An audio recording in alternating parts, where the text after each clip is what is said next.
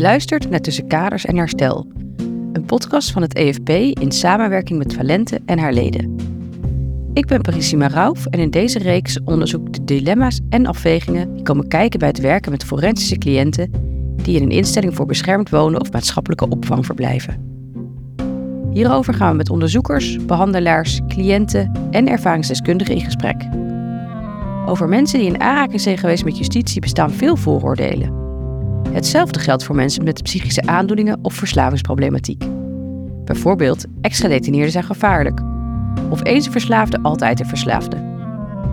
Cliënten nemen de negatieve denkbeelden uit de samenleving vaak over en passen die op zichzelf toe. Daardoor kan stigmatisering grote negatieve gevolgen hebben, zoals een laag zelfbeeld, hopeloosheid en het vermijden van professionele hulp.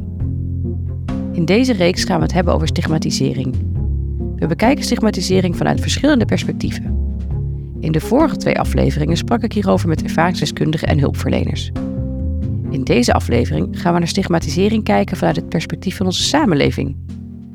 Hoe reageren wij als samenleving op mensen met een verleden of een diagnose? En hoe zorgen we voor een goede reïntegratie in diezelfde samenleving?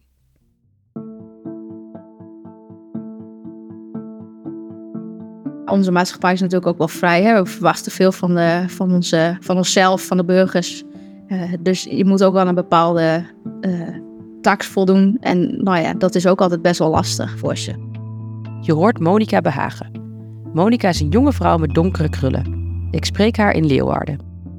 Ik ben Monika Behagen, werkzaam bij Wender uh, in Leeuwarden, mijn forensische woonlocatie. Ik heb uh, vier jaar daar zelf in het, uh, nou, met cliënten samengewerkt en nu heb ik de functie als manager en ben ik leidinggevende van het team van Forensisch Woonholding Monika heeft dus met forensische cliënten gewerkt en nu faciliteert zij als manager een team van medewerkers om hun werk goed uit te kunnen voeren. Dit zorgt ervoor dat zij een ruime blik heeft op het onderwerp. Hoe omschrijft zij stigmatisering? Ja, stigmatisering is voor mij eigenlijk een, een vooroordeel wat men over uh, onze doelgroep heeft. Uh, en uh, die klopt vaak niet met de praktijk. Ik vind dat hele mooie mensen. en natuurlijk hebben ze iets gedaan wat niet mag. En zijn ze daarvoor gestraft. Maar er zit altijd een verhaal achter en een reden. En voor mij is stigmatisering dat je niet kijkt naar het verhaal erachter. Maar dat je een oordeel hebt over wat iemand heeft gedaan. Ook sprak ik met Charmaine over stigmatisering. Charmaine is een jonge vrouw met stralende ogen. We dronken koffie bij het RIBW in Zwolle. Charmaine vertelt wie ze is. Ik ben Charmaine, ik werk bij het RIBW als uh, zorgmedewerker met ervaringsdeskundigheid. Ik doe eigenlijk heel veel verschillende dingen, zowel als begeleiding aan cliënten, maar ook uh, binnen het herstelnetwerk in Deventer ben ik actief. Dus zijn we eigenlijk heel erg uh, bezig met van, goh, hoe kun je supportgroepen, lotgenotengroepen wat meer body geven en, en hoe kun je dat dan faciliteren. En dat doen we onder andere door dingen bij bijeenkomsten organiseren, maar ook door uh, hersteltrainingen aan te bieden. Nou, en eigenlijk ook altijd een beetje kijken van goh, wat hebben we dan zelf als ervaringsdeskundigen nog nodig en hoe kunnen we dat bij de reguliere hulpverlening nog meer integreren. Hoe omschrijft zij stigmatisering? Stigmatisering is het niet erkennen van wat iemand zijn of haar verhaal is. En ook, denk ik, zelfstigma moeten we denken over hebben, want we leven in een maatschappij waar van alles verwacht wordt en een bepaalde prestatiedruk toch heerst.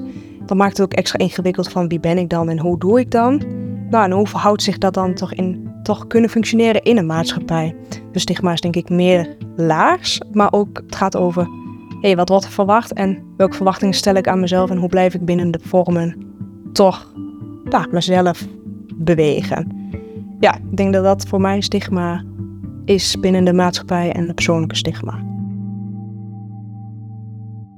Charmaine benoemt zelf stigma. In eerdere afleveringen kwam dit ook al aan bod. Wat verstaat Charmaine hieronder? Zelfstigma gaat over hoe je over jezelf denkt en wat jij denkt, wat een ander over je denkt. Waardoor je weer een ander plaatje voor jezelf creëert. Ik denk dat ik het zelf heel gauw zou koppelen aan het ego. Hè, dat stemmetje van, joh, dat moet je wel doen of juist niet doen. Dat we daar dan veel meer naar luisteren dan dat eigenlijk wat we in onze onderbuik voelen. Van, hé, hey, hier, hier gaat het over bij mij. En dat je vanuit dat stukje mag gaan refereren in combinatie met de maatschappij. En nou ja, als je dan ook nog de extra uitdaging hebt gehad met psychisch lijden, komt dat stemmetje nog meer op de voorgrond te staan en uh, nog meer nou ja, vooroordelen die je misschien bent tegengekomen eerder in je traject of nou, in je thuissituatie. Het zijn een hele, nou ja, het is heel breed eigenlijk, maar er zijn conditioneringen, overtuigingen. Um, die eigenlijk heel erg dominant zijn. En eigenlijk uh, ja, weer opnieuw de weg mogen vinden naar van oké, weet je, ik mag er zijn, maar ik ben niet de leidraad van mijn leven. Hoe kijkt Monika hier tegenaan? Dat gebeurt ook regelmatig. Hè? Cliënten die uh, kunnen heel goed uh, excuses bedenken of uh, nou ja, een oordeel over hunzelf vormen waarom ze dingen niet voor elkaar hebben gekregen.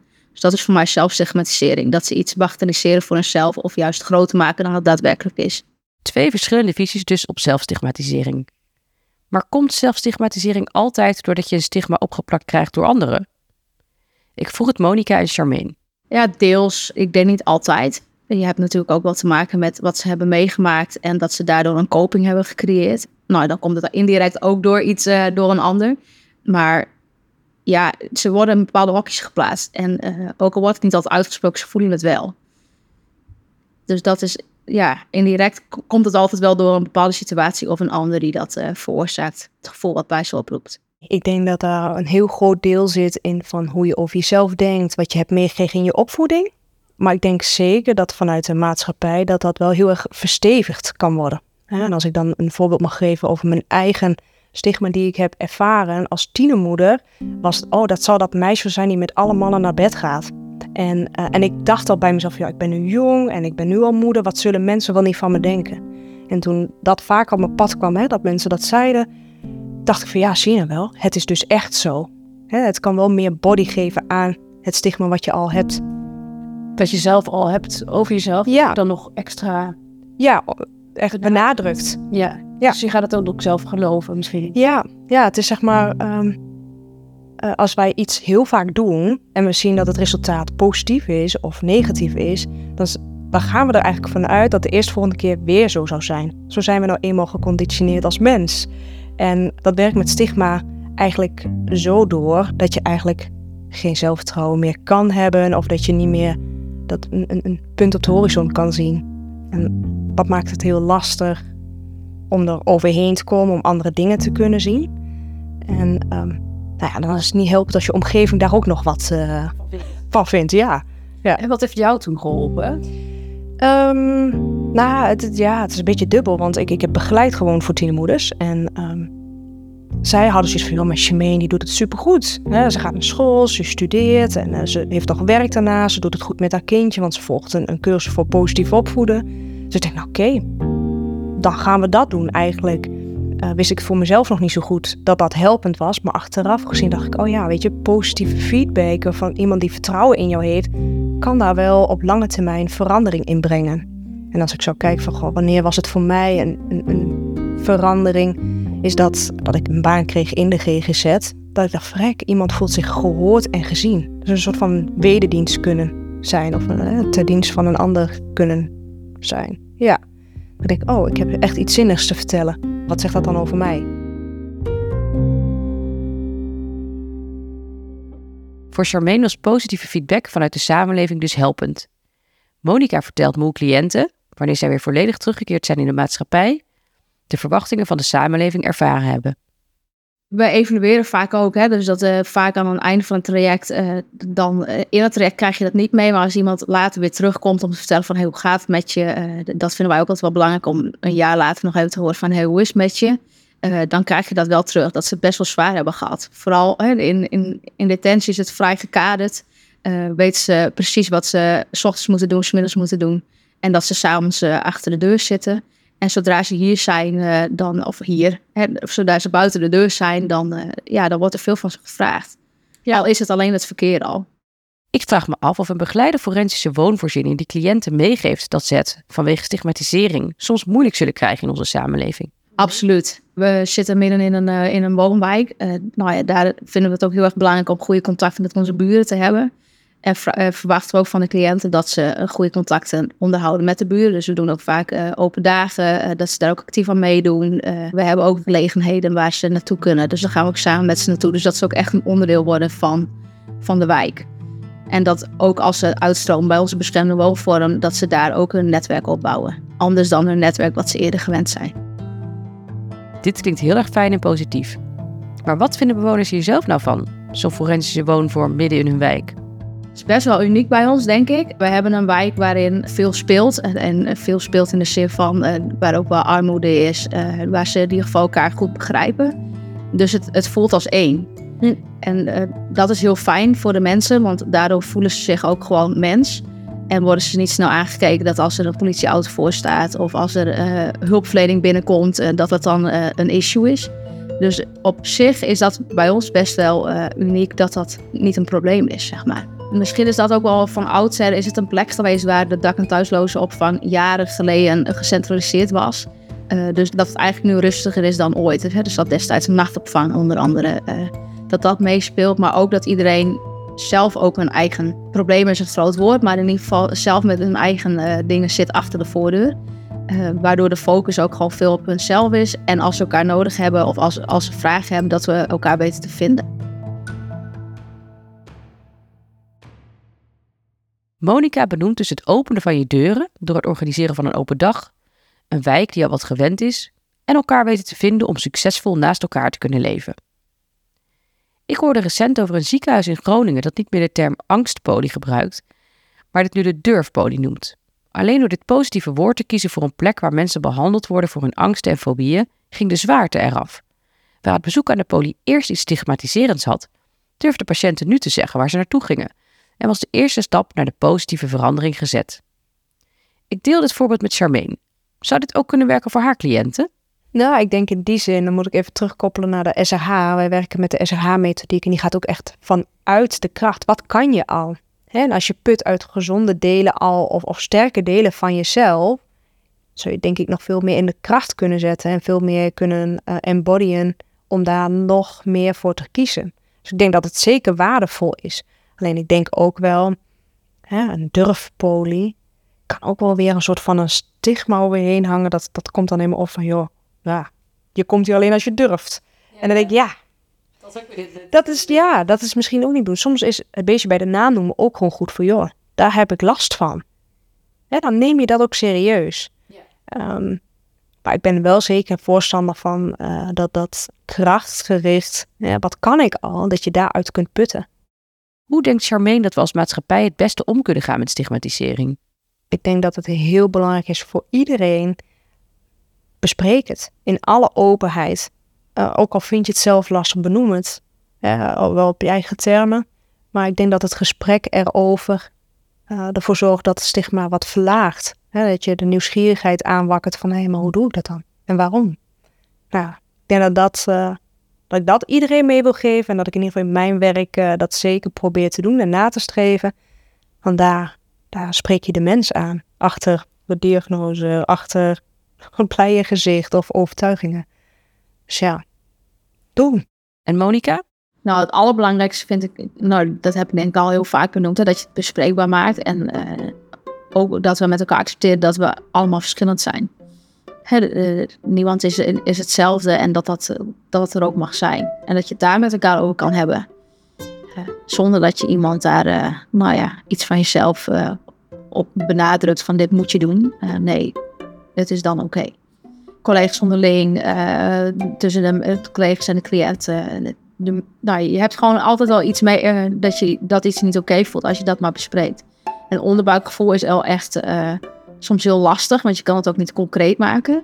Uh, maar dat is wel waar wij als team heel. Nou, dat staat eigenlijk centraal binnen onze vergaderingen, intervisies. Van hey, is er iets waar je tegenaan bent gelopen of voel je iets? Uh, en als, hè, dat is dan ook een verschil, want dat is een cultuur dat je dan ook zegt van, oh, bedoel je dit of dit of dit? Nee, luister naar elkaar oprecht en heb daar nieuwsgierige vragen over in plaats van, oh, je eigen stukje daarin toe te voegen en zeg van, oh, dit voel je dan zeker jou je conclusie te trekken. Ja, precies, om je conclusie daaruit te halen. Dus ja, dat is onderwerp van gesprek. En dat is echt niet altijd makkelijk. Uh, maar als je dat maar, bespreekt met elkaar, met de collega's, maar ook met de cliënten, dan kom je al een heel eind. Zowel Charmaine als Monica benoemen dat het belangrijk is om het onderwerp stigmatisering bespreekbaar te maken. Te erkennen dat we soms allemaal stigmatiseren. En het lef te hebben om het er zowel met cliënten als met professionals onderling over te hebben. Want zeg nou eerlijk, zou jij een huis kopen tegenover een GGZ-instelling of forensische woonvoorziening? Heel goed hoor dat mensen reïntegreren in de wijk, maar niet in mijn wijk. Stiekem best een herkenbare gedachte? Maar hoe lossen we dit dan op? De oplossing uh, voor is, is het, nou ja, als je het hebt over termen, is het soms ook gewoon het gesprek aangaan en, en niet de zware term forensische doelgroep uitspreken. Maar een woonlocatie voor mensen die ondersteuning uh, nodig hebben. Dat maakt het ook alweer heel anders. Dus nou, het belangrijkste is dat je het gesprek met iedereen aangaat. En dat je een gevoel kan beamen, maar dat dat niet leidend is. Hè, dat, dat overkoepelend leidend is dat, dat, dat we iedereen willen helpen. En dat iedereen eh, in Nederland uh, gewoon recht heeft op een eigen uh, veilige plek. En hoe dat er dan uitziet, ja, dat is dan dat is een, een andere discussie. En nou, ik denk dat we ook, ook daarin het gesprek aan gaan. Dat is het belangrijkste. En heeft de gemeente nog een rol? Of? Ja, we hebben hele korte lijnen met de gemeente hier uh, in Leeuwarden. Uh, ook zij worden vaak meegenomen in plaatsingen. En niet dat ze dan uh, ja of nee zeggen, maar wel van... hé, hey, wat is dit voor consequentie? Uh, is er een bepaalde doelgroep die hier een, een, een, klik, een vormt... waardoor de, cliënt niet een eerlijke kans krijgt? Zo, zo hebben we vooral de gesprekken. Krijgt deze cliënt een eerlijke kans? En wat heeft de gemeente daarin uh, te betekenen? En, en, wat hebben wij als hulpverleningsorganisatie te betekenen? Uh, dus ook zij spelen daar wel een rol in. En ja, indirect hebben, zij, hebben we in Nederland allemaal, elke gemeente heeft een verplichting om bepaalde plekken daarvoor te creëren. Dus uh, zeker weten hebben zij een, een, belangrijke rol. Ja. ja, je had het ook over open dagen. Mm -hmm. Kijk je geeft in de instelling, ja. in de woonvorm. Um, Komen mensen daar ook echt op af? Of vinden mensen dat ook dan spannend? Uh, nou ja, we hebben één keer per jaar hebben we in de hele wijk, zeg maar, um, uh, dan gaan alle hulpverlenende organisaties, maar ook alle buren, het is een beetje uh, op de burendag noemen we dat. Dus dan staan we bij, met een stand, dus dan is het ook wat laagdrempeliger. En dan hebben we onze deuren gewoon open. Dus als iemand dan daarin ook echt vragen heeft hoe ziet het eruit, lopen we samen naar de woonlocatie toe. Dus daarom maak je de drempel iets lager. Maar we hebben ook wel eens gehad van, oh, we gooien de deuren open en dan kwam er niemand. Hè? Dus het, je moet ergens ook de connectie vinden. Dus zo vinden wij jaarlijks altijd een connectie met Burendag. En dan, uh, nou, dan doen we eigenlijk gewoon mee met de bewoners en de, en de medewerkers. Mooi hoe de instelling waar Monica werkt het voor elkaar krijgt. Want dat het soms zwaar is voor de forensische doelgroep, dat kunnen we wel concluderen. Ja, de maatschappij verwacht heel veel als je kijkt naar uh, hoe, deel ik mijn dag in, hè, mag ik een rustmoment nemen bijvoorbeeld, die zie ik vaak terugkomen, dat daar zo'n stigma op zit van ja, maar ik moet presteren en ik moet laten zien dat ik het wel kan. En uh, ik moet laten zien dat ik kan werken, uh, mijn huishouden zelf kan doen. En dat die stigma daarop heel erg zit van joh, ik mag niet even moe zijn. En dat zegt denk ik ook iets over een herstelfase van iemand natuurlijk. Maar als je kijkt, uh, iemand die verder bijvoorbeeld in zijn herstel is, die kijkt heel erg van, ja, maar ik moet het nog wel laten zien. Ik moet mezelf nog bewijzen om ach, mee te mogen doen in de maatschappij. Maar ook het eigen idee van, joh, hè, hoe mee te doen in de maatschappij. Maar stigma komen in heel veel vormen en maten terug, maar deze zie ik heel vaak. Hoge verwachtingen dus, die door de maatschappij worden opgelegd. Maar net zoals in de vorige aflevering wil ik positief afsluiten.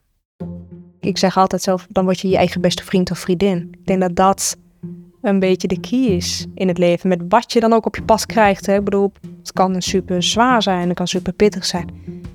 Maar er is één iemand die altijd bij je is. En dat is jezelf. En als je daar chill mee bent. Dan ben je wel ver. ik denk dat je dan heel ver komt, ja. ja.